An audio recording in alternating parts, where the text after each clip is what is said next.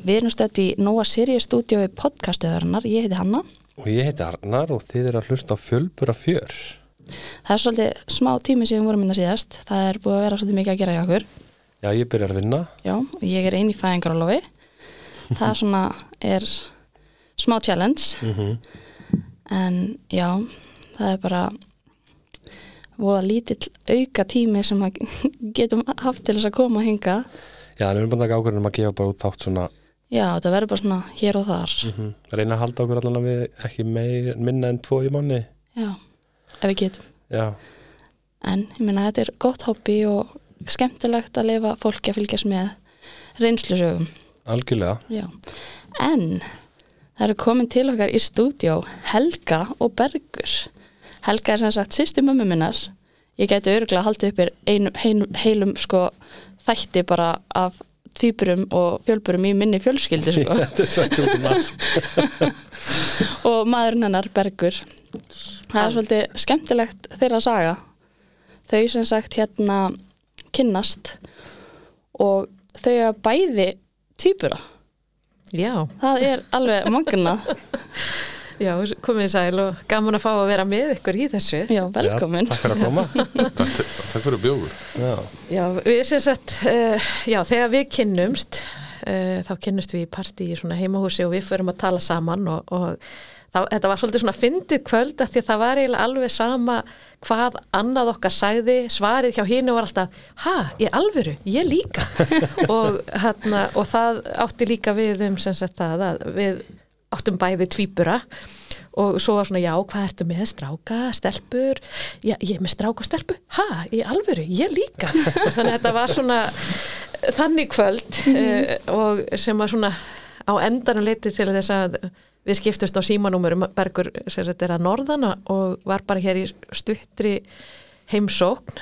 Og ég var bara, ein, ég var bara einum fundi og hérna, en við fórum að vera sem sagt í samskiptum fyrst á Facebook og, og svo bara í símanum.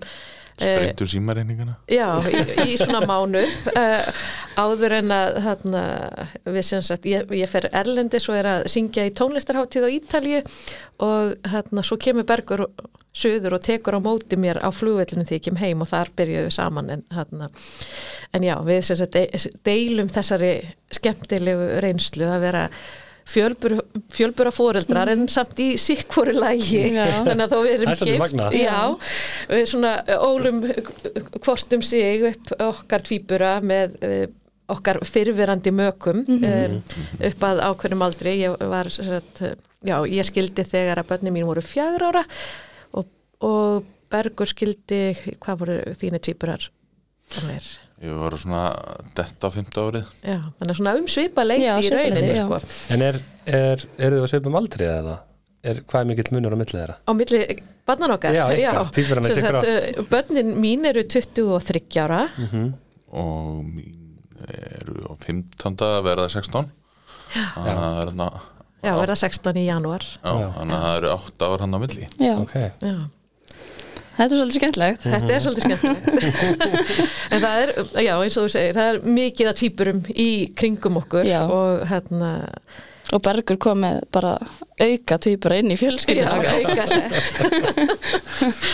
Alltaf að græða. Já, nákvæmlega. Fram að því þá, hérna, þá hefði bara verið svona, bara svona ein först stærð, eitt sett týpurum, það voru frænkum mínar. já, Sett, börn, bræðra, eh, bróðu pappa sem að, og í, þannig að maður, maður þekkt alveg týpur sko, en, en, en þetta var bara svona eina setti sem að var alltaf fyrir augunum sko. nákvæmlega En þetta er svona það er annað en í fjölskyldinu konniðinni sko. Og minni, sko. Það er allt morandi bara. Já, En já, ég sem sagt uh, uh, ég verð ófrískað mínum tvíburum því ég er 21 ás og hérna uh, vissi náttúrulega ekkert að ég væri með tvíbura uh, eða þú veist mig grunaði það mm og að því að Kristín sýstir, sem sagt elsta sýstir okkar sem sagt uh, eldri sýstir mömmu þinnar Já.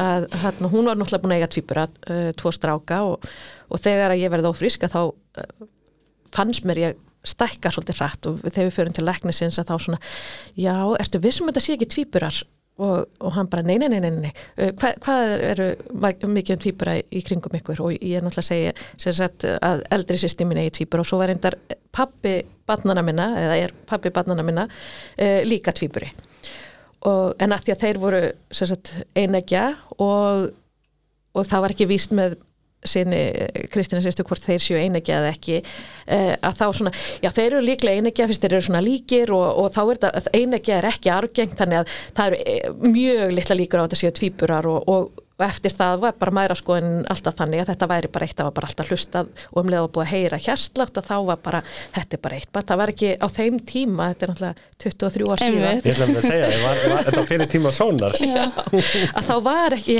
þá var ekki snemsónar það var bara 20 vikna sónar þetta var náttúrulega kannski svona spara í kerfinu eða eitthvað svona, svona dæmi sko.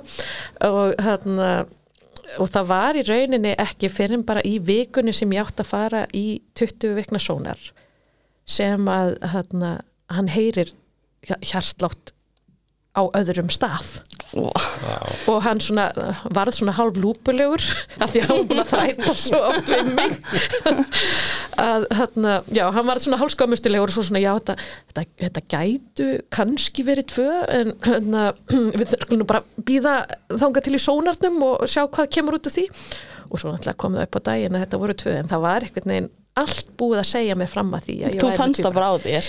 Já og bara þú veist drauma sem ég dreymdi, mér dreymdi að ég væri með tvíbura. Og mér Já. dreymdi að þetta væri strákur og stelpa og það væri eitthvað svona, svona í draumnum var það eitthvað issue fyrir mínu fyrirvinnandi hvort þeirra fættist á undan hvort það væri strákurinn eða stelpan. Þú veist sem náttúrulega, þú veist, skipti svo sem engum Nei. máli en máli var bara þú veist að í draumnum þá voru þetta strákur, stelpa og tvíburar og tengda með mína fyrirvændi dreymdi sem sagt að hún væri að kaupa hand okkur lag á hjónarúmið og hún gat bara fundið lag sem að var sko blátt öðrum megin og bleikt hinum megin wow. og Ok. þú veist og það var alls konar svona, það var alveg sama hvað ég horfði á í sjóarpinu alltaf var eitthvað kona að eiga tvíbura í hverjum þætti, þú veist, með þess að húsið á sléttunni Nelly var ófrisk að, að tvíburum og þú veist, það var alveg sama hvað það var uh, þannig að einhvern veginn þá fannst mér alltaf að þetta væri tvíburar og Nákvæmlega. þannig ég var í raunin ekki hissa en hann, líka bara eins og ég segi þri- þegar ég var komin þrjá mánuði og ég var bara komin í óléttu fött og, og ég var ekki ekki þykk á þeim tíma. Ég var eitthvað svona kringum 60 kíló eða eitthvað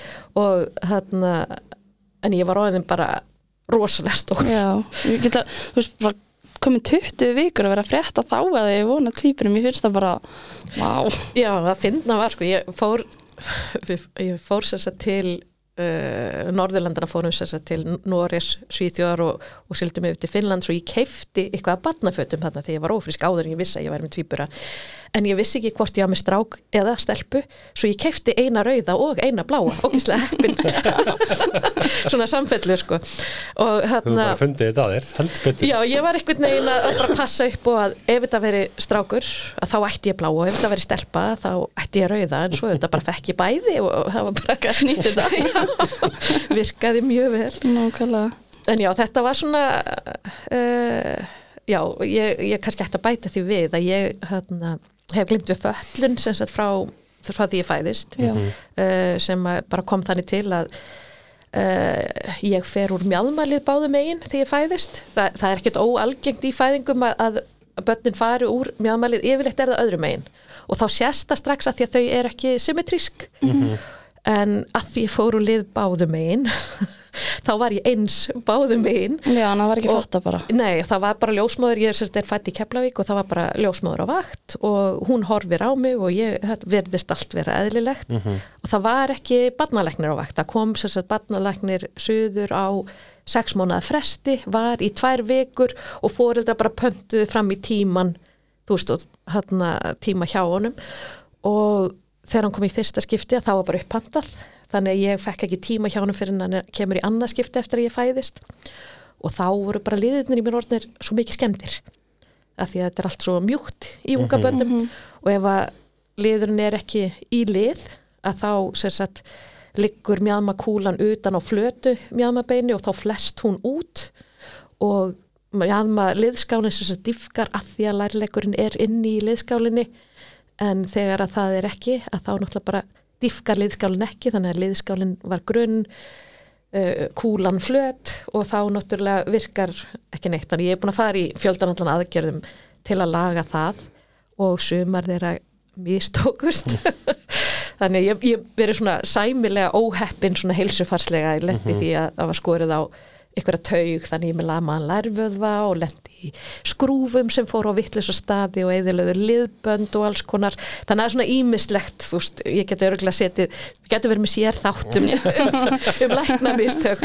En þarna Þetta hefði vantilega flækt svolítið týpur um það gangu. það gerði það nefnilega. Það, það var náttúrulega þetta er talsverð auka þyngd og hérna uh, ég sem sagt í einni af aðgerunum að þá var sett málmspöng innan, innan á mjálmagrindina því að þeir sem sagt í einni aðgerun söguður í sundur á með mjálmagrindina inn í mjálmaliðnum til þess að reyna að diffka liðskálina. Já, og, og að því að það var sett þessi málmspöng þá var ekki víst sem sagt hvort ég myndi geta fætt eðlilega. Samt svolítið fyndið alveg bara fram á síðustu stundu að þá var verið að spá í samt að reyna að láta mig fæða eðlilegri fæðingu. Ég, ég, ég hef aldrei skilið. Nei, það var svona, það var svona ákveðin þrýstingur á þessum tíma að allt er að vera svo rosalega náttúrulegt og ef maður væri ekki að gera þetta náttúrulega þá væri þetta bara allt rámt og það væri ekki eins gott fyrir börnin og allt þetta. En, hana, en í rauninni má segja að dóttir mín hafi bara svolítið bjargað mér úr þessari klemmu því að hún ákvað að fara í þverlegu. Já, og, og þá þorðið þeir ekki að láta mig eiga því að hún hef, var svona vóg salt í rauninni ofan á bróðu sínum. Hvað er þvert yfir. þá lág hún þverst yfir og þegar að Guðni var sem sagt tilbúin í réttri stöðu og þegar hann væri komin út að þá var það tvísýnt hvort hún myndi fara með fætuna fyrst eða höfuði fyrst og hvernig myndi naflastrengurinn haga sér í kringum það allt saman. Þannig að þeir þorðu ekki að láta mig fara í gegnum fæðingu og það var í rauninni ekkert með málmspöngin að gera heldur bara þessa þverlegu. Þannig að hérna ég er bara mjög þakklátt í rauninni fyrir það því að ég skal bara alveg viðkjörn það að út af þessu að þá var ég, ég var alveg með því líkar ágjörði að fara í gegnum tvíburafæðingu með þessa málmspönginana og líka bara e, já, og auðvitað út af því að ég sagt er eins og ég er að þá uh, lá ég inni á meðgöngudeildinni. Í talsverðan tíma áður en ég átti þannig að ég var líka orðin svona já, búin að missa ákveðin vöðvastyrk og þess áttar að því að ég var bara ég var í hjólastól og lá mér á minn upp í rúmi og var ekki svona kannski í besta standinu til þess að- að fara, fannst mér í gegnum eðlilega fæðingu Týpurafæðingu. tvíburafæðingu. Já, þetta er náttúrulega kannski ekki alveg það sem maður kallar eðlileg fæðing þegar tvíburafæðing. En þarna uh, jú, er ekki eðlileg fæðing bara þegar allt gengur vel eða, Jú, algjörlega. já, algjörlega. en, þarna, en ég var svona ekki vongóð um að þetta myndi allt saman ganga vel. Eða þú veist, maður er alltaf með áhyggjur þetta er náttúrulega Já. og þú veist, þetta er bara dýrmætasta sem maður á Algjörlega. og ég var ekki einu sinni búin að eignast þau þarna en þau voru samt að dýrmætasta í heimi fyrir mér. Og þarna þannig að maður vildi ekkert vera að taka neitt sjans nei. Og þannig ég var mjög glöð þegar að, að dóttir mín bara Nei, nei, nei, hún bara sá um þetta. Þó svo hún hafi alveg sko, það var náttúrulega ég er náttúrulega ekki hávaxin manneski, ég er 1.60 og þau voru komin alveg sko, já það sást svona 5 mínútum áður en ég kom fyrir hotnið að ég væri á leiðinni. Og þarna og dótti mín sem sagt, í þessari þverli og þá áttu þess til að sparka svona einhvern veginn upp fæt, fótunum sko, sem sagt, aftur fyrir sig og gefa mér svona hjartanóð Já, þannig að þetta var svona alveg já, þetta var allt mjög skemmtilega upplifanir. En ég man líka alveg eftir í svona, þú veist, að því ég var ekki mjög stór að þá gæti ég eitt skipti bara séð hendi koma og ég gæti talið fingur. Wow af því að þú veist, þau voru svo þétt. Og það var svo lítið pláss og þetta var svo mikið bara komið bara út sko, að, þarna, að það lendi sér ekkert sko. en, en, en keisarinn gekk mjög vel. Það var bara, bara ein mínút á millið þeirra og, og, þarna, og þau komu alveg hraust og fín í á hvaða heiminn. viku? Eh, 38. og hálfri. Ok, Já, Ok. þannig að það var eiginlega bara svo til full meðganga. Já, algjörlega. Og þau voru tólmerku hvort sem er bara, bara mjög flott. Mhm. Ég held með þessi flestu tilfellum í dag þá eru týpurum að þið bara látum ganga eða náði í 38, ekki, ekki við það. Ekki yfir það Nei, ok. Nei, það. Ég held ég sé var með rétt mál. Ég held ekki. 38 fyrir tvíegja og 36 fyrir einegja Já, ok. Já, út Já, af, út út af, af belg, tvinn út af tveir belgir eða einn belgur það er Já, akkurat. Já, ég var með mjög einmitt, stóra belgi, stóra hérna, stóra fylgjur og, og mjög svona þykka og gerðarlega naflastrengi, það var alveg kommentir á það. Veit ég hvort það var rúmlegan eða hvað það var. En, og mikið legvætt, þannig að það var svona já, þetta var alveg alltaf eins og átt að vera. Já, en þetta var alveg hellings já, hvað maður segja, byrði að bera í rauninni. Já, trúið því. En hérna en maður var bara svo gladur að, að þau komu heil í heiminn. Nákvæmlega. En það reyndar var svona smá kemur aftur að svona mér og, og læknavísindunum, það var svona smá hyggstika hvert mér aftur móti að þeir águðu sig í einhverja æð og það fór legvatnin í blóðrásina og ég misti meðvitund og eitthvað svona en, en það reddaðist allt í Vá, og þurfti ert að fara á Heppin með lækna? Jú, finnst þér ekki? ha, Alltaf bara. Ef væri þú þá myndi bara vera hrætt við lækna Já, ég, Stay away. Vistu það, ég er það pínlítið ég, ég er alveg þar að ég bara ég, ég þarf helst að vera í lífsættu til að fara í aðgerð Já. núna reyndar stendur til að setja mig í mjadmaskipti aðgerð og ég skal alveg viðkynna ég, ég er bara svona ég þarf bara líku við að taka öndunaræfingar því. Ég um það. Fórst nú í að gera Já, ég fór í axlaðagerð en það var líka bara, ég svaf ekki. Ég sem sagt, mér tókst að detta og hérna, slíta öll liðbönd í öxlinni núna í vor og fór í axlaðagerð í sumar og hérna, en það gekk vel. Það var, voru engi mistök. Þannig kannski lifir á því þegar þú ferði í við skulum vona að þetta sé svona fyrirbóði Nákvæmlega. En, hérna, en svona En er bara. aðeins með mjadma, mjadma og það sé ekki tengt en ég er að spá ef að þú fer í maður lagast á lagast á föllunin eða fer gerfið mér Eh, Sko í rauninni ekki að því að það er alltaf búið að eðilegja taugar og sínar og fleira. En það sem að kannski gerist er að ég verð miklu minna verkið. Vist, ég er núna í alltaf með verki.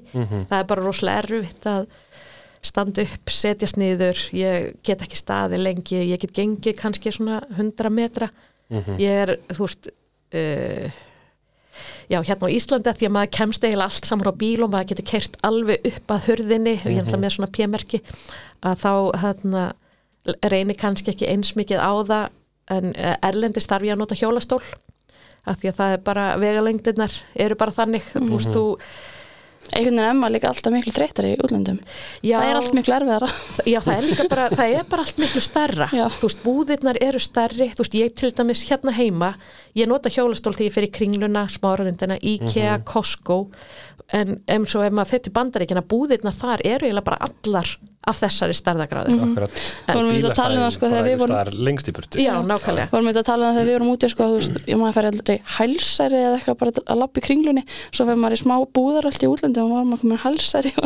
Já, en það er bara þessi svona stærðarskali er bara allt annar og hérna er bara miklu þægilegra að komast um svona að staðaldri. En hvernig var svona að vera með þessa föllun og vera með tvö lítil börn. Já, það var náttúrulega alveg alveg áskorun. En þarna mér finnst samt alltaf svolítið að ég hafi fengið börnin sem ég þurfti af því að þau voru ótrúlega góð. Um, Róleg bara og Já, ég var líka mjög heppin með ljósmóður sem að kom og, og syndi maður eftirlitin og hún var með mörg bara góð ráð fyrir mig sem að einfölduðu mér rosalega lífið og hún til dæmis kvatti mig að setja þau sem fyrst í sitt herbergi að vera ekki með þau inni hjá mér. Hún ætla að sá það, þú veist, já, kannski ágætt að taka það fram. Sérst, ég er sérst lögðin á uh, meðgöngudeild um, hvað, í desember, já, í mars. Þannig að þið sá að þetta er alveg hvað þrem, fjórum mánuðum áður en já að eiga. Og ein svona ein af ástöðunum var sem þetta fyrirverandi var í krabbaminsmeðferð á sama tíma.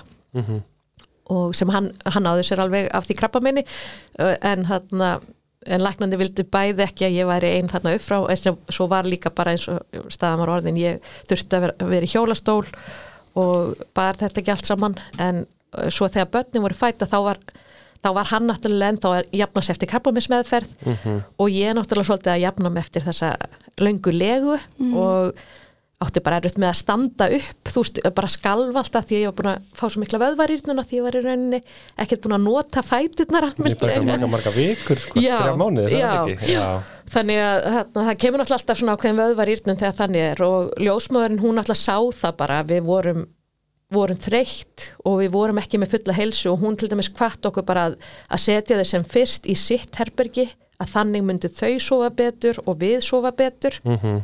Og það stóðst bara alveg. Og þau fóru sem sagt sex vikna í sitt eigið herbergi. Og þú veist, fram að því höfðu það alltaf verið svona mikið að rumska á nóttinni og jafnvel kannski að vakna við okkur að því að ég var alltaf, eru þau gjörgl handandi? Þú veist.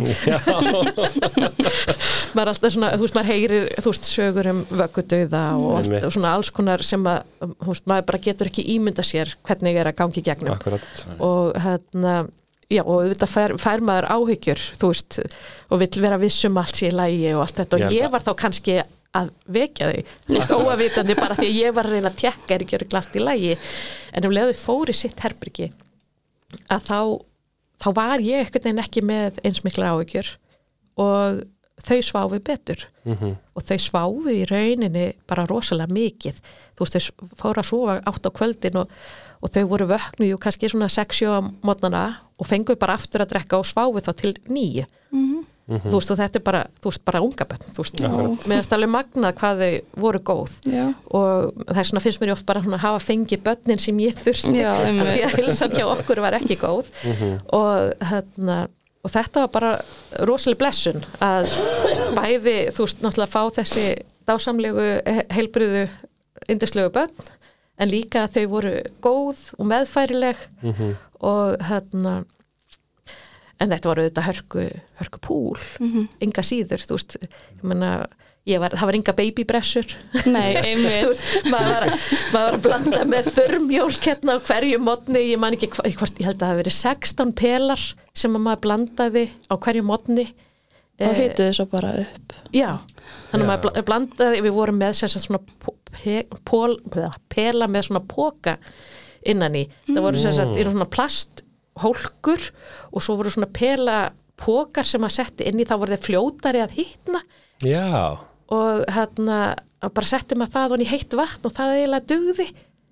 Að, hérna, og líka það kom í veg fyrir að það kæmi eins mikið loft með því að þegar þau sugu þá bara, þá bara þjappaðist pókin saman sniðugt. og það kom eiginlega ekkert loft inn í pelan. Ok, aldrei hérst um þetta. Nei. Nei. en ég sem sagt, dótti mín var með svona kóleg uh, vandamálin reyndar eins og ég var að segja Hvað þó, það? það er sem sagt svona magakveisu Já, en, hérna, en hún svaf samt alltaf fyrir því, hún bara svona grét í svefni, það var rosalega skrítið, maður hefur alveg heyrt um börn sem bara gráta og gráta og gráta og, og eru bara orginu. En hún í rauninni svona bara vældi og maður sá alveg að hún var með magavandamál en hún svaf samt. Mhm. var ekki að vakna frá því hún var ekki að vakna frá því og svo var líka sem sagt, uh, já, var Guðni með eitthvað svona magavandamál líka og, og þess svona já, var, var mjög gott að hafa svona loftlausa loftlausa pela. Það er margt sem ég hugsa núna bara eins og í dag sem að gera okkur svo þægilegt bara eins og milki meitt púðarnir sko. Já, og þú veist það er svo mikið svona sem að fólk hafði kannski ekki fyrir nokkrum árum Nei. og maður er bara svona vá hvað þetta er örgulega auðvelt í dag með að við hvernig þetta var. Já, já, menna maður var þurft að halda þú veist, ég náttúrulega var með á brjósti fyrst Já, og hérna eh, og það var náttúrulega bara hörku vinna að vera með, þú veist, ég var náttúrulega ekki hægt með þrjú, en, en maður er með tventaföllu fyrir tvö börn þannig að maður svona reyndi og hérna uh, en það var alveg hörku vinna þú veist, dóttir mín sög alltaf aðeins vittlust og var, ég var með Mexikan hatt fyrir hana og uh, gekk miklu betur hjá Guðna en maður var samt að reyna að gera ge, gefa þeim báðum sagt, samtímis uh, bara því annars tók allt þennan dag svo langan tíma. Þannig að maður var svona að- reyna að vera með þau bæði en svo maður alltaf að hjálpa henni aðeins og, og, og maður er bara með tvær hendur. Og þetta er svona, svona pínu flókið en, hérna, en það gekk samt alltaf. Mm hérna, svo minnir mig að þegar þau hafi verið orðin þryggja mánuða þá fórum við að taka sem sagt annað þeir átti peladag og hitt átti brjóstadag.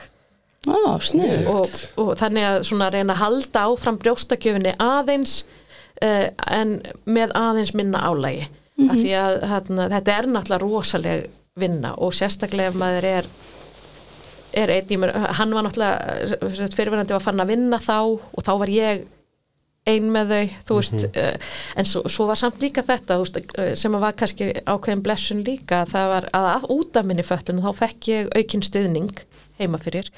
Ég fekk sér sett manneski sem að kom og var hjá mér alltaf fyrir hádegi uh, frá minni mig 9 til 12 ok, og hjálpaði mér með börnin og, og, og ég var rosalega heppin með þessa sem ég fekk fyrst. Hún sem sagt uh, var nafna mín hér Helga líka og hún gæti ekki átt börn því að hún var með svona einhvern argingan sjúkdóm sem að voru svona einhver æxli sem að koma á taugar. Mm. og, hérna, og hún í rauninni bara eiginlega tók mínum börnum eins og sínum, hún gaf þeim alls konar gjafir og var og þú veist, bara elskaði að vera með þau og, og, og var bara alveg indislega að hafa inn á heimilinu. Að því að, það hefur verið, sem að segja, guðskjöf já, það var það nefnilega. En svo var það reyndar mjög sorglegt að hún lendir í hestaslýsi og lendi í dái ég er náttúrulega viss ekkert að því ég, hún bara í rauninni kvarf og ég fekk bara útluta nýri mannesku og ég var alltaf að reyna að spurjast fyrir að því að mér finnst þetta svo skrítið að því að hún hafði í rauninni svolítið tekið mínum börnum sem sínum sko. og, hérna, og fá ekki að vita Já og þetta var svona alveg sérstakt samband okkar á milli en að því að hún var bara starfsmöður að þá mátti Reykjavíkuborg ekki gefa mér upplýsingar já, þetta, um sinn starfsmann. Og ég er raunin áttaði mig ekki á því hvað það hefði gæst fyrir en ég bara sé síðan minningagrein árið setna þá, hérna, þá hafði hún látist, hún hafði aldrei vaknað eftir þetta Já, það er rosalega átæknilegt að sjá hana bara allt í hennu Já, þetta var bara mjög erfitt og bara mjög sorglegt. Og, hérna, og í rauninni þær sem ég fekk á eftir að þeim var, var ekki greiði gerður að því að það gat enginn komið í staðin fyrir hana. Eða þú veist, uh, já en hérna, uh, en ég var samt bara mjög heppinu að fá ykkur hjálp. Já. akkurat. Því að það, þetta er náttúrulega Í hvaða bæfælið varstu á þessu tíma? á þessum tíma bjó ég í Grafavóginum Gráfi, Já, og hérna, já, þannig að lengst uppi hjá korpúlstöðum sem var meðal annars eina ástöðun fyrir að ég var lögð inn á meðgöngunni, þeir vildi ekki hafa mig eina í einhverjum Í sveitinni? í sveitinni, það var ek- þetta er fyrir 23 árum, sko, það, það var ekkert þarna eiginlega, jú, jú, það voru hús þarna en það var ekki mikið um stræt og samgöngur, það var ekkert verið að, að móka snjóin á hverjum degi og Mhm. hérna já, en þetta var svona aðeins öðruvísi en það er núna, þetta er náttúrulega verið miklu þéttari byggð og, og uh, já, allt annað Mhm. í dag en, hérna, en á þeim tíma þá þá var ástandið þannig og, en ég var náttúrulega bara mjög heppin að fá þessa hjálp og veit ekki alveg hvernig ég hefði komist af án þess. Því að það var náttúrulega rosalega gott að fá bara stundum, ok, ég get farið í, í bað. Já, eða vá, ég get bara, ég get fengið mér eitthvað að borða eða, veist, ég get kannski lægt mig klukkutíma. En eins og sér hlutir eins og nú, nú þekki ég bara sjálf það er endalust af dóti sem fylgir börnum. En eins og þú veist verður ekki erfitt fyrir þá eins og að setja sama rúmin eða fara út í, bara fara út í bíl með þau eða kerruna út eða veist, allt þetta? Já, sko, ég fór bara eiginlega ekki neitt. Nei, akkurat. Það var eiginlega bara þannig. Þarna, ég, ég náttúrulega að, út af því hvernig ég er í mjöðmann ég gæti ekki lofta tveimur bílstólum Nei, til dæmis. akkurat. Mm og að bera þau út í bíl þú veist, ég, ég hefði bara þurft manneskjur með mér. -hmm. því að ég bara gata ekki. Nei. Og hérna jú, ég, ég, ég, ég gerði það með, við ítlan leik í ykkur skipti en ég var síðan bara alveg búinn á eftir. Mm þannig ég eiginlega bara forðaðist að fara nokkuð og bara vonaðist til þess að fólk kæmi í heimsó uh, já og og auðvitað oft kom einhver þú veist uh, annarkvort uh, fóreldra mínir eða fyrirvændi tengdamáðu mín eða, eða sýstu mínar eða einhverjir og, og, og þá að farið eitthvert út sko. en yfirleitt, já ég var bara mjög ég var mjög mikið heima. Beðist eftir að þau myndir byrja að labba sjálf. Já í rauninni, það, það var eiginlega svolítið þannig að ég gerði óskup lítið fyrir en að þau voru byrjuð að ganga. En þau voru reynda mjög fljótt til sko. Uh, Guðni byrjuð að ganga nýju og hálsmánada Vá, og Sigga var að detta í tíu mánada aldurinn þegar hún byrjar að labba. Þannig að, að þegar þau voru fann að ganga þá get ég bara leitt þau út í bíl. Já. og það var náttúrulega bara staðista breyting sem að já, það var bara frelsi fyrir Mhm. mig. Um leið og þau gáttu farið að labba. Bara það virðist, þessi börni virðist bara hann að lesa hugbóðið eitthvað. Það er alltaf, retta alltaf mömmu sinni sko að vera svona alls konar leiðum. Já, þetta er svona, við, við hjálpust að. Það, er, það er mjög skemmtilegt. Og, og í rauninni svolítið fyndi sko, nú eru þau 23 ára en þau hafa alltaf hjálpast að. Og, og rosalega mikið verið til staðar fyrir hvort annað og mér finnst það rosalega dýrmætt hérna, með svona sérstaka tengingu. Já, þau, þau eru með það og hérna, alltaf til í að hjálpa hvort öðru og þau eru svona í sikkvorum sikkvorum geiranum. Uh, Sónu minn er í tölvunafræði, dóttir minn er búin að vera í uh, alls konar listnámi og er núna að læra japansku í háskólanum. Og hún til dæmis hefur verið að teikna alls konar inn í tölvuleikina sem hann býr til. Mm. og hérna, svo eftir um þetta er dótti mín lesblind og, og sonu minn hann er ofta að hjálpa henni varðandi ritun á verkefnum og þess áttar og lesa yfir og, og eins og bara þegar þau voru bara, já, í grunnskóla þá voru þau náttúrulega alltaf saman í bekk og þá las hann námsefnið upphátt fyrir þau bæði. Þannig að Já.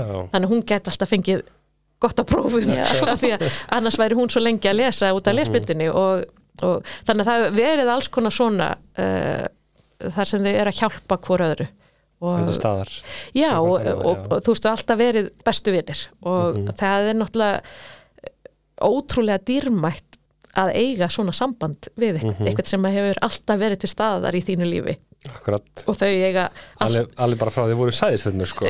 Það, veist, það er bara þannig. Því að þau eru bara alltaf búin að vera samferða og hérna, það er svo magna bara að horfa á þetta bara, það er það.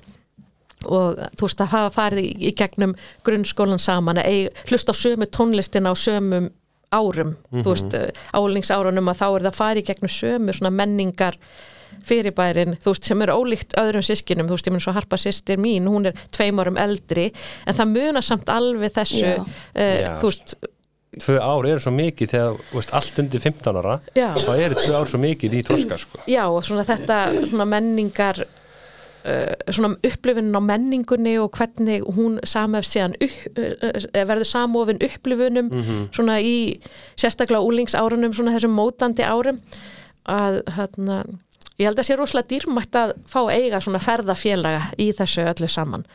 Og, og þau eru alltaf, held ég, svolítið hreinskilin hvort við annað. Þau, og í rauninni hefur alltaf verið svolítið þannig með þau að það skiptir meira máli fyrir þeim hvort að týpurasískinu þeirra uh, hérna, líki við eitthvað eða sé sammálið í að þau gerir þetta eða hitt heldur en hvað mér finnst. Já, já, þú veist, fóreldra verða stundum pínu svona auka stærð í þessu Já. fjölbura það tengi ekki þeirra svo mikil. Já, og þau speikla sér miklu meira hvort í öðru heldur en þau eru speikla sér í fóreldrum sínum. Og sem er örgulega bara mjög eðlilegt í rauninni, þú veist, að horfa til svona jafningja. Og, og sérstaklega þegar þú ert komin á ákveðin aldur en, en maður náttúrulega vonar að að uppbyldi hann nú líka verið eitthvað mér að þakka svona. Allavega er ég rosalega stolt af þeim. Þau eru Já. ofsalega dugleg og, og standa sér vel í sínu og þarna já, ég gæti ekki beðið þeim mikið meira held ég. Þau eru bara mjög flott. Eru krakkar, já, krakkar segi ég. Já, þau eru, krak þau eru krakkar en þá fyrir mér. Já, flott ungt fólk. Já. með framtíðina fyrir sér. Nákvæmlega. en svo á, á, á Bergur náttúrulega tvíbura líka. því bara líka. Já. hvernig hverjar voru tilfinningarnar þegar að þú fyrir eftir að þú ætti vona tvíburum? Það voru nú frekar hérna, þetta var svona já, svolítið rússirbenna reyði sem að mann var skellt að því, sko. Og hérna venna þess að uh, manni grunnaði ekki neitt, sko. En, jú, það er engin launug að hérna, jú, fyrirvænandi fórum í, í hérna á Artmedica fyrst var settur eitt fóstuvísir og hann festist ekki og þá voru sett tveir. Þannig að maður, maður vissi þó að það hafi verið gert. Já, það væri möguleiki. Já, það væri möguleiki sko. En hérna e, að fara úr því að það, það væri ekkert að gerast, ekkert að frétta og reynum bara náttúrulega frekar leðilega fréttir yfir í það að, að það væri tvö á leiðinni, það var, svolítið, það var svona sjokk sko.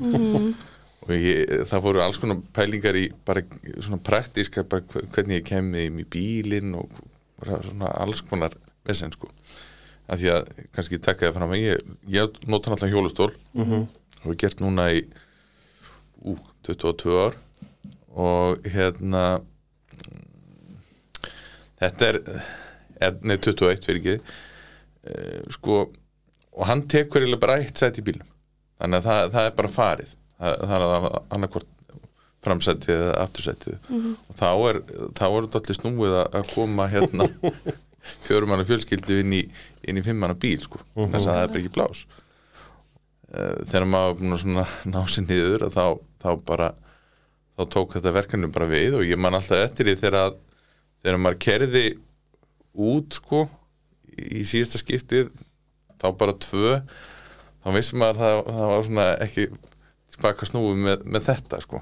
Nú væri, nú væri alveg lífsens á, á liðinni upp á sjúkrási en, en þetta gekk bara eh, bara ágætlega. Ég mani mitt að því þú nefndir áðan að þegar maður var svona þegar aðgerðin var yfirstæðin og búið að framkvæma keisar og þau voru komin heiminn og allt í lægi og tíu fingur og tíu tær og allt svo leiðis að þá hérna á rönda hringdi maður í bara í, ekki alla maður hringdi að maður hringdi í alla nánustu og hérna ég hringdi í ömmu og amma var fátt eh, 1915 Hvað segir? Er hún fætt 1915? hún var, var fætt 1915 Ok, liðið þá til hún var 93 ára þannig að maður geta reikna, reikna það út og hún nefndi þetta einmitt sem hún nefndir á þann að, að þetta væri Guðs gjöf. Og ég gleymi þessu símtali aldrei við ömmu Guðnu, þetta var alveg þetta var alveg magna símtal.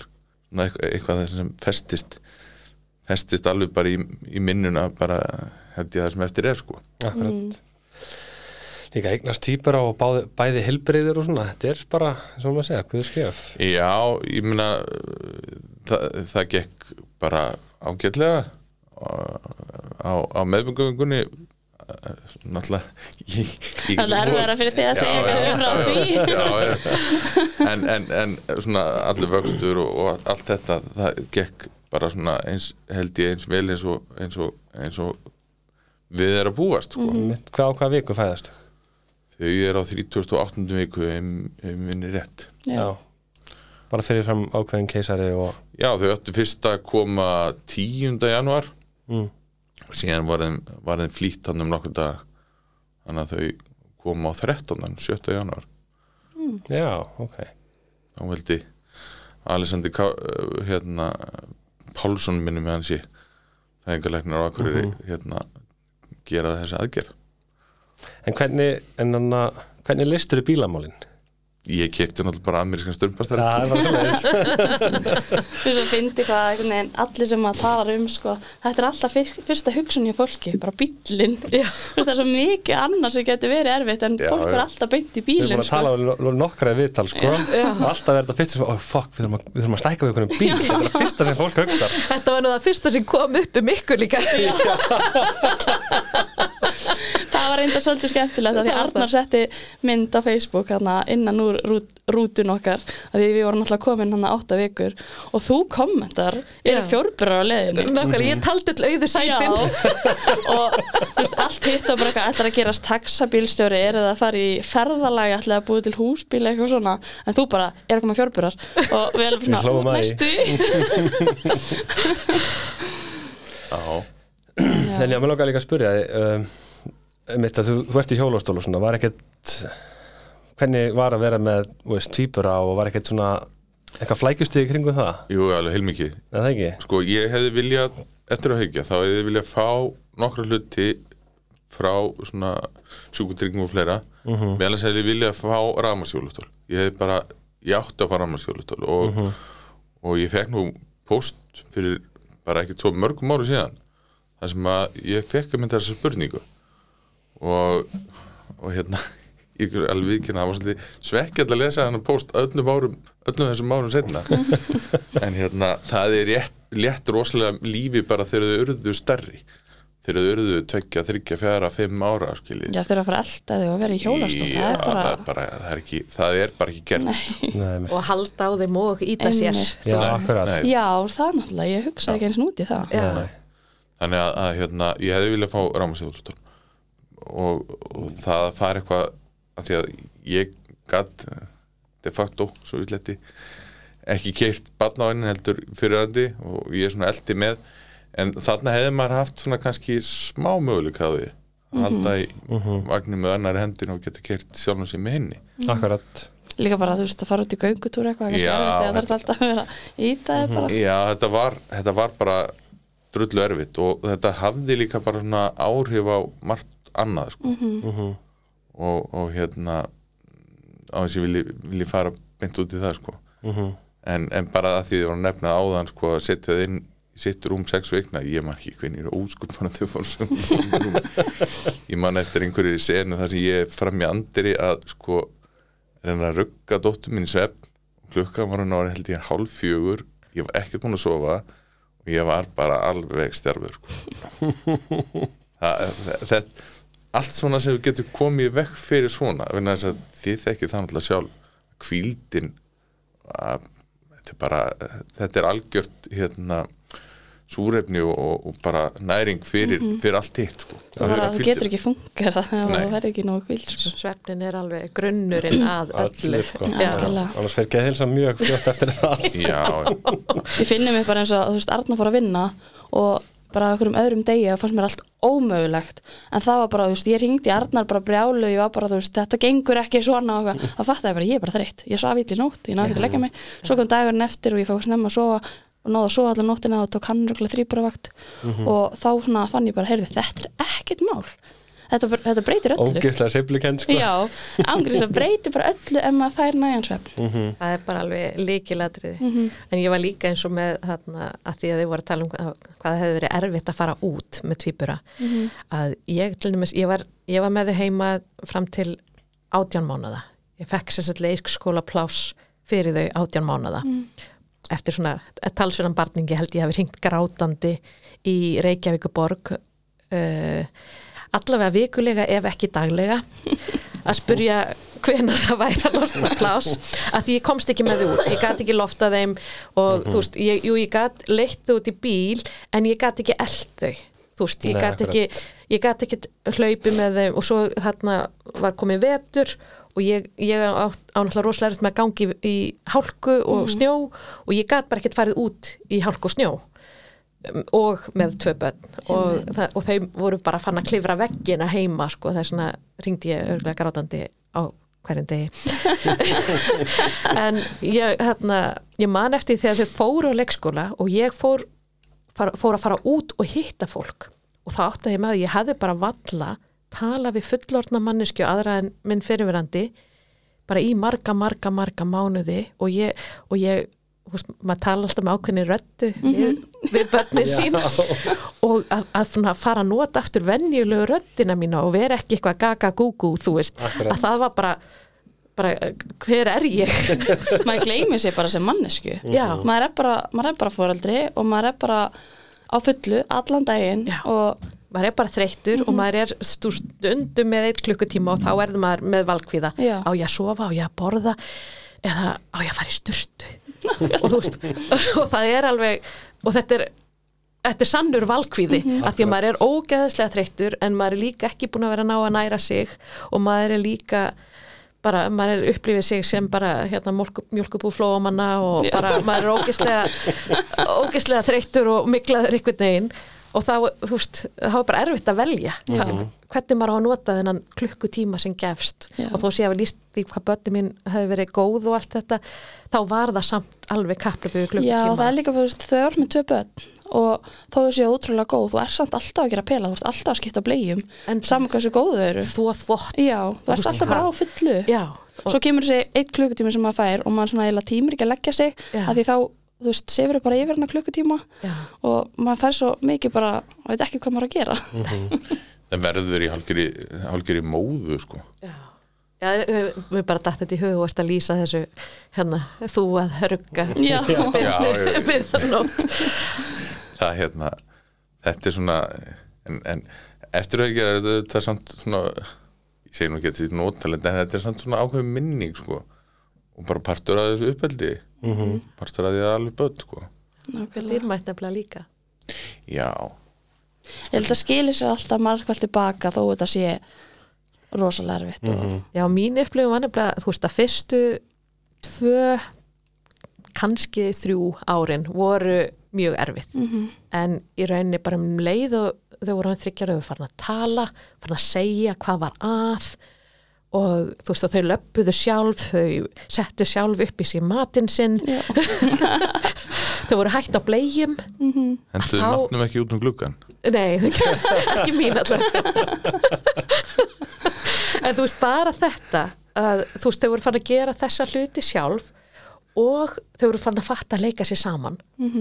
Þá bara var eins og að hendi var í veifað breytingin. Af því að þegar þau fatta hvort annað þau geta látið þau vita ef eitthvað er að og þú, veist, og þú ert ekki í þessum endalösu bleijaskiptum og, og, og pelagerð og, og allt þetta. Hvað er að, hvað er að Já. þegar það eru upp þessi og svona? Já, og prófa þetta og prófa hitt og af hverju virkar þetta ekki og, og Það hlýtur þetta að vera þetta. Já, Já. og þarna en, já, mér fannst svona bara eins og við þryggja ára aldurinn að þá bara, bara varð bara kúvending. Já, og lífið varð bara bara þægilegt, eða þú veist, það fungeraði allt, gagvart þeim. Nákvæmlega.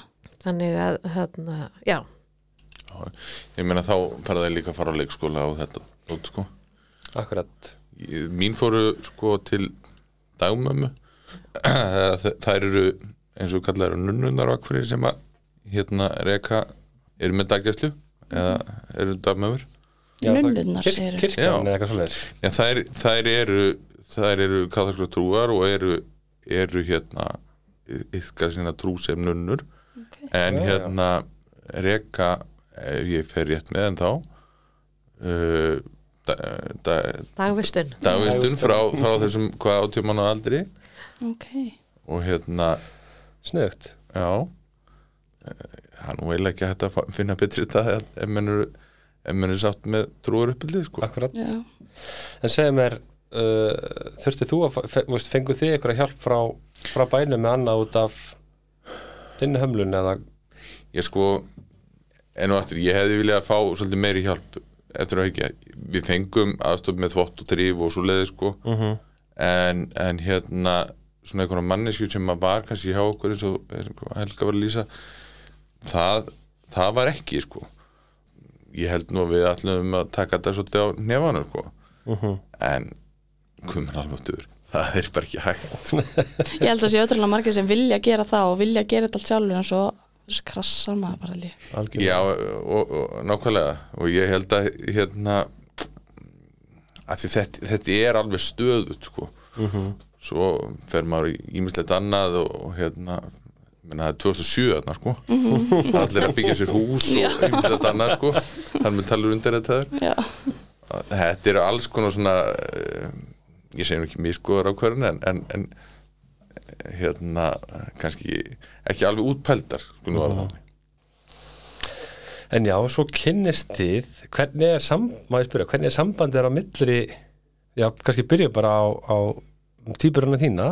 Já Milli þeirra tvekja Já, Það er heila alveg ger ólíkt við hérna sem Helga fór inn á áðan sko. akkurat. Þau eru miklu, miklu sjálfstæðari hvort frá öðru en ég man samt al, alveg eftir því að, að dóttir mín hún, hún var meiri svona uh, svona leittói svona á leikskóla árunum varði e, allir nei einhver skipti bróðið sinni alveg með kjaft og klóm sko. Og hérna en svona upp frá því svona frá held ég svona fimm ára aldrinum þá hafa þau verið svona mjög sjálfstæð sko. Já, þau eru ekki svona, Nei, þau eiga bara, samheldin eins og nei, þau eiga, bara sitt hvort vinnahópi meira og minna Mhm. síðan gegn grunnskólan þá hérna, þá helst það bara áfram sko. Mhm. Dóttin prófaði nú fótbolta eitt sumarið sko, til aðeins að máta sig held ég við bróðu sinn og, og gekk bara fínt og fór hérna á símamótið og alls konar. Nú, já, já, hún að augra bróður sinum með eitthvað leiðis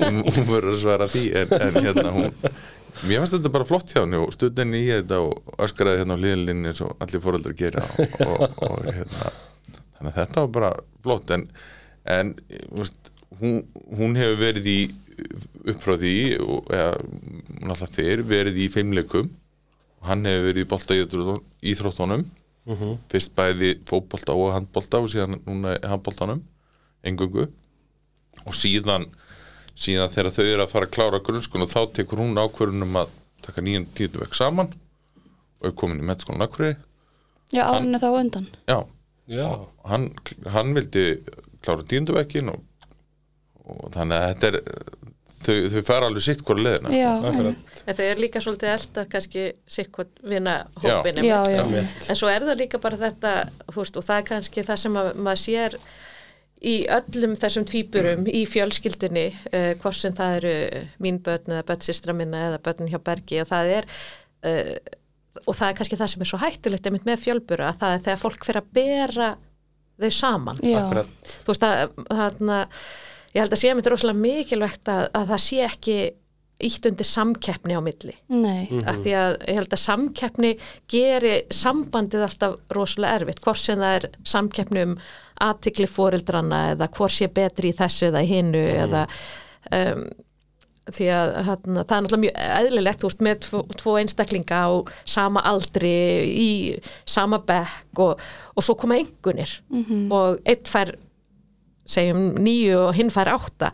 Þú veist, að, ef að það er alltaf verið að horfa á veist, þessa hluti og veist, það, er, það getur grafið undir sjálfströsti hjá öðrum aðilanum ef, ef að hann er alltaf læri og uh, ítt undir egoið hjá hinum sem er alltaf herri en það getur líka búið til erfi samskipti og það er svona, ég held það er að það svolítið góða punktur. Já, ég hef ekki hugsað í þetta. Og, ég, hérna, og þetta er svona svolítið það sem ég rak mig á í uppeldinu hjá mínum krökkum, þú veist, ekkit endilega þú veist, að ég var að gera upp á milli heldur líka bara, þú veist, kennararnir er að bera þau saman, fólk, starfsfólki á leikskólanum var að bera þau saman. Þú veist, það, þetta er bara svolítið svona þjóðfélagið, það fer svolítið í að, að bera saman. Maður var náttúrulega bara að átta sig á því þú veist, þó þetta séu tvíburar eða þrýburar þá er þetta sikkur einstaklingurinn. Nákvæmlega, bara eins og í okkur, þú veist við erum náttúrulega ekki komið þangað en þessi miklu nærði að skrýða heldur en hinn. Þetta, þetta er ekkert, þau er ekkert alveg eins í öllu, sko. Nei, ég meina bara eins og með þú veist, Guðni var tveim uh, vikum á undan Siggu að byrja að labba. Tíu mánuði er samt mjög stemma að byrja að labba, það er ekkert að því að vera tíu mánuði að byrja að labba. Og þetta er ekki keppni. Á, þú veist, á endanum að þá lærið þau bæði að labba, þau labba bæði bara mjög vel í dag. Ég er nefnilega sko líka eins og þú veist, þú veist Ingebergur okkar ef hann er að fá okkur engun og Já. svo einhver einn af þrýburónum Já. þá er ekki þetta að byrja þetta saman því hann var kannski miklu erfið að prófi Já. en þau eru kannski í nákvæmlega sama prófinu nákvæmlega þá verður maður að hugsa til þetta, ég var ekki búin að fatta þetta Nei. Nei. og það er svona þetta þarna, bæði að þau fái að vera einstaklingar og þau þurfu ekki að vera eins og þau þurfu ekki að vera í samkeppni Nei, og hérna ég held að einmitt þess vegna og stundum að þá hef ég, hef ég miklar ágjörða þessu. Eins og til dæmis Sigga mín er rosalega góð í starffræði og alveg þannig að hérna, einn starffræðikennarin sem sem er búin að kenna starffræði í 50 ár að hann sagði að Sigga væri besti nefandi í starffræði sem hann hefði nokkuð tíman haft. En að því að bróðir hennar sem hefur oft fengið mjög góðar engunir að hann velur að fara í tölunafræði þá vildi hún ekki fara inn á þær brautir hún velur að fara í listina. Já, og þú veist, þannig að maður líka ofta að velta fyrir sér, er þetta að hafa áhrif er, er þetta einhver svona samanburður að tala og, og let hérna frá því að fara í eitthvað sem gæti kannski bara henda henni rosalega vel. En þú veist, ég, maður veit það ekki. Og þannig er ég bara svona að fabulara ég veit ekki hvort að það hafi spilað þarna inn í en, en hún er góð í starffræði en hún velur að fara í listina. Svo aftur á móti erum við með týpurinn hjá uh, Kristínu sýstir Albert og Magnús sem að fara báðir í viðskiptafræði eru báðir í tónlist og eru, þú veist, bestu vinnir og allt þetta. Og þarna og frábært að þeir hafi báðir svona sjálfströstið og, og geti samt verið í því sama, maður veit aldrei hvenar uh, svona samanburða þættir er að hafa áhrif og ég held að þetta sé eitthvað sem að maður er einhvern veginn alltaf svolítið að vinna með sem fjölbörafóreldri akkurat. Ég held að maður verður bara svolítið að leifa þeim að vera sín eigin einstaklingur sko Já. og kannski fara þau sumuleið, kannski ekki. Eins og ég sá hann einhverja frétt að það voru einhverjir þrýbura núna bara bara fyrir stuttu að útskrifast allir úr sama náminu á sama tíma. Já. og maður er bara svona, vá hvað þetta skrítið. Já. en samt alveg svona, þú veist, þetta hefur bara hentað þeim. Já, en þú veist, það er kannski eitthvað annað sem að Það voru, það voru þrýburar já, ég segja það, þrýburar, já, já, það var eina þrýburargrúpunni já, þú veist, mér finnst það bara magnað. En þú veist, ætluðu að hafa svona challenge eitthvað annað í, þú veist bara já, herru, förum saman í þetta veist, þetta er svo gaman að pæla í þessu Já, en þetta er þarna, það þur- eru allir, að þurfa allir að finna Já. sína leið, en ég er mitt þarna, Það er kannski líka, ef maður koma inn á þetta, það er kannski líka mikilvægt að leifa þeim að finna það og þessi ekki þristingu frá okkur fóreldrunum að, að okkur er ekki saman í þessu, okkur Já. er ekki að gera svona, fattur að leifa þeim svolítið að finna út úr þessu sjálfur hvað þetta þeim. Já. nákvæmlega ég held að svona grunnurinn sé alltaf bara þetta að ítrekka, þú veist, ég elska þig eins og þú ert, mm einmitt. Þú veist uh, og við hvern einstakling Já. fyrir sig. Uh, þannig að það sé ekki svona ítt undir þennan samanburð sem að eh, er svo algengur. Og ég, í rauninni, ég lærði rosalega mikið af Kristíni sýstir, ég náttúrulega uh, var það heppin að fá að alast upp með tvíbura frændsískinni og fylgjast með sýsti minni ala sína drengi upp. Og hún var einmitt mjög fókuseruð á það að þeir væru einstaklingar. Þú veist, hún bara ef að koma og spurt eftir tvíburónum að þá láfið hún segði þarna, hverjir eru það, hvað heita þeir? Þú veist að, til að, til já, til þess að það væri notuð nöfnin veist, þeir heita sikk hvoru nafninu þeir eru sikk hvoru einstaklingur þeir, hún klætti þá ekki eins. Hún, jú, kannski svipað en alltaf í sikk hvorum litnum og, og aldrei, veist þannig að þeir væru bara copy-paste sko. líka þeir eru náttúrulega svo rosalega það er náttúrulega og vita hvort þið séu einingi eða það ekki Já, það var eitthvað svona, það vo, þegar að þeir fættust að þá var tekið blóðpröfa og þeir voru í sikkurum blóðfloknum en svo Já. kom í ljós að það voru mistök, þeir eru í sama blóðfloknum Ok. þannig ég veit ekki, ég, ég, ég er ekki rétt að mannskjana Nei, að nei, einmitt. það, það En er betra þeir að allavega fáum bara mjög- Kristín. Það þeir eru allavega mjög líkir þannig ég Þeir skil hann alveg vel að vilja Já, þannig að hún var mikið að para, ég þurfti náttúrulega með strák og stelpu ekki að, mínir krakkar eru svo ólíka að þau eru rosalega þau eru ólík. rosalega ólík og þegar, þegar að komu forfallakennarar í bekkin og, og þau sögðust vera týpur að þá bara já, segjuðu mér annan. Þú veist það bara trúði þeim enginn. Nei, nei. já, svo, svo, svo fyndi svo, maður, maður er með alls konar svona pælingar þegar maður er svona, foreldri í fyrsta skipti og ég til dæmis var mjög upptekinn af því að ég væri ekki að ákveða þú veist að gefa þeim svona stráka og stelpu hlutverk sko þannig ég kert alltaf tvo bíla fyrir, fyrir þau bæði og tvær dúkkur, þú veist það fengu bæði dúkku, þau fengu bæði bíl. Svo endaði þetta alltaf þannig að Guðni var með alla bílan út í einu hotninu og Sigga með alla dúkkunar í hinu þú veist, þau eru alltaf bara að velja sér Já. þú veist, ákveðu þú, en, þú veist, en, en ég fannst samt mjög gott alltaf að bjóða upp á valkostina. Já, og ég reyndi alltaf einmitt, og það var kannski líka til þess að draga úr svona samkeppni að kaupa tvent af öllu. En ég til dæmis þarna, var með alls konar svona lausnir með hluti sem var bara til eitt af. Já, og ég var til dæmis með eggjaklökku og ég trekti hann alltaf upp í þú veist, tvær, þrjá mínútur eftir, ég reyndi alltaf að hafa það jafnmarga mínútur eins og þau voru gömul. Mhm, og að því að bara þú stólir mæðin að býða er hún, hún lengist eftir því sem þau verða eldri og þá sem sagt var annað þeirra að byrja að leika og ef að hittir enda að koma og taka þá bara nei en nú bara setjum við ekki klukkun í gang. Þegar klukkan ringir þá skiptir þið þetta er rosa sniðugt, þú ert að koma með rosa góða punta. Já, þannig að alltaf þegar klukkan hringdi þá var bara skipt og þannig að Já. þau lærðu rosalega snemma að bara skiptast á og það að líka kannski að því það var alltaf svona strúttera, það var alltaf auglust, þau gætu hort á þú veist, það var svona ekki að klukka svona sem hreyfðist og þú sást tölurna færast nær, og nær núlinu sko. Og, og svo kom bara þetta ding og þá vissu allir ok, nú ná að skipta. Já, og uh, þannig að það var svona mjög einföld lausn. Ég, sem ég lærið á einhverju fóreldra námskeiði ykkur tíman fyrir löngu síðan. Og, og hún bara, þessi lausn bjargaði svo miklu inn á mínu heimili að ég bara vildi endilega koma þessu að. Því að, því að það er með tvíbur þá er svo margt svona, þú veist, einmitt eitthvað gefið þeim eitt leikfang. Eða, eða það er jafnvel, þú veist, eins og við fengum alls konar gamalt gefins frá fransiskinum og þá var kannski bara eitt af ykkur því að það Já, var bara eitt bað, skilur og hérna en, en þá er það líka kannski bara tækifæri að æfa sig að skiptast á. Mhm. en að reyna að forðast svona þessi fimmliðu átak. rifrildi svona. En það gekk yfirleitt bara mjög vel en þetta er auðvitað svona að finna einhverja lausnir. Já, og maður þarf að reyna að einfelda sér lífið. Mér varst, Mhm. hérna, ég fór um þetta á svona PMT námskið, ég veit ekki hvort ég hafi heyrt af því. Nei. Parent Management Training. Og þar var hérna, ég fór sér þetta á þetta eftir að ég skildi, var í rauninni kannski svona meira hugsað bara að svona, mér langaði bara að efla sjálfströst mitt sem foreldri og, og þá var ég mynd svo glöð að sjá að þar var ég mynd stungið upp á þessu ekki klukkudæmi sem ég var búin að vera að nota og fullt af hlutur sem ég var búin að vera að nota voru partur af þessu námskeið ég bara svona, já, ok, ég er bara í nokkuð góð málum en, hérna, en þetta var mjög gott námskeið ef eitthvað er hérna, e, e, fá það bóð, því Já. að bæjarfélögin séu með þetta Já, já. mjög svona Mhm.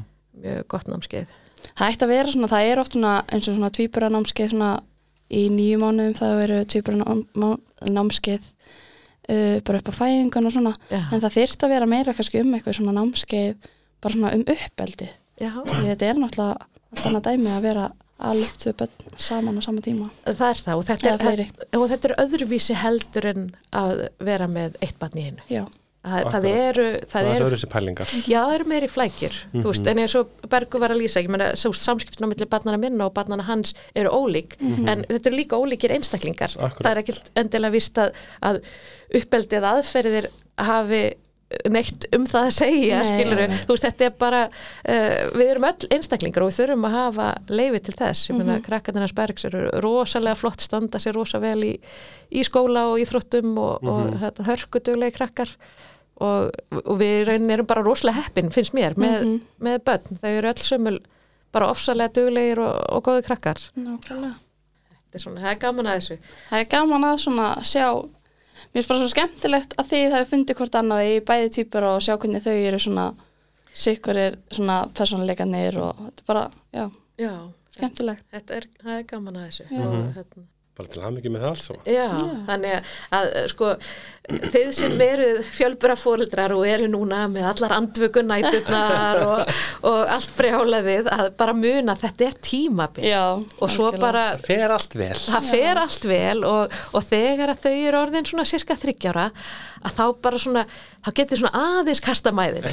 Og, og þá fyrir þetta líka að verða rosalega gaman því Já. þá ertu komið með einstaklinga sem að eru búin að uppgöta sem sem jafnaldrana sína Já, já og, og, og eiga bara leikfélaga inn á heimilinu og það er bara hægt að senda þinn í herbyggja að leika sér á meðan þið farið að búa til matinn og, og þú veist það er, hérna, þetta verður alltaf léttara og léttara og Já. svo er náttúrulega bara í dag er maður bara svo stoltur Mhm. af þessum börnum Mhm, eða þessu unga fólki sem nákvæmlega. við eigum og hérna og jú, jú, alveg hellingsvinna auðvitað á bakvið það og uppeldið náttúrulega og veist, í rauninni, já, það er náttúrulega líka mjög gott sko að Kristín sýstir er náttúrulega kennaramönduð og hún sagði ekkert með mér sko, börniðin þegar þau eru á tíra þá eru orðin að manneskunni sem sem þau verða. Já, Þú breytir engu eftir þá og meiri segja eftir sex ára breytur ekkert miklu.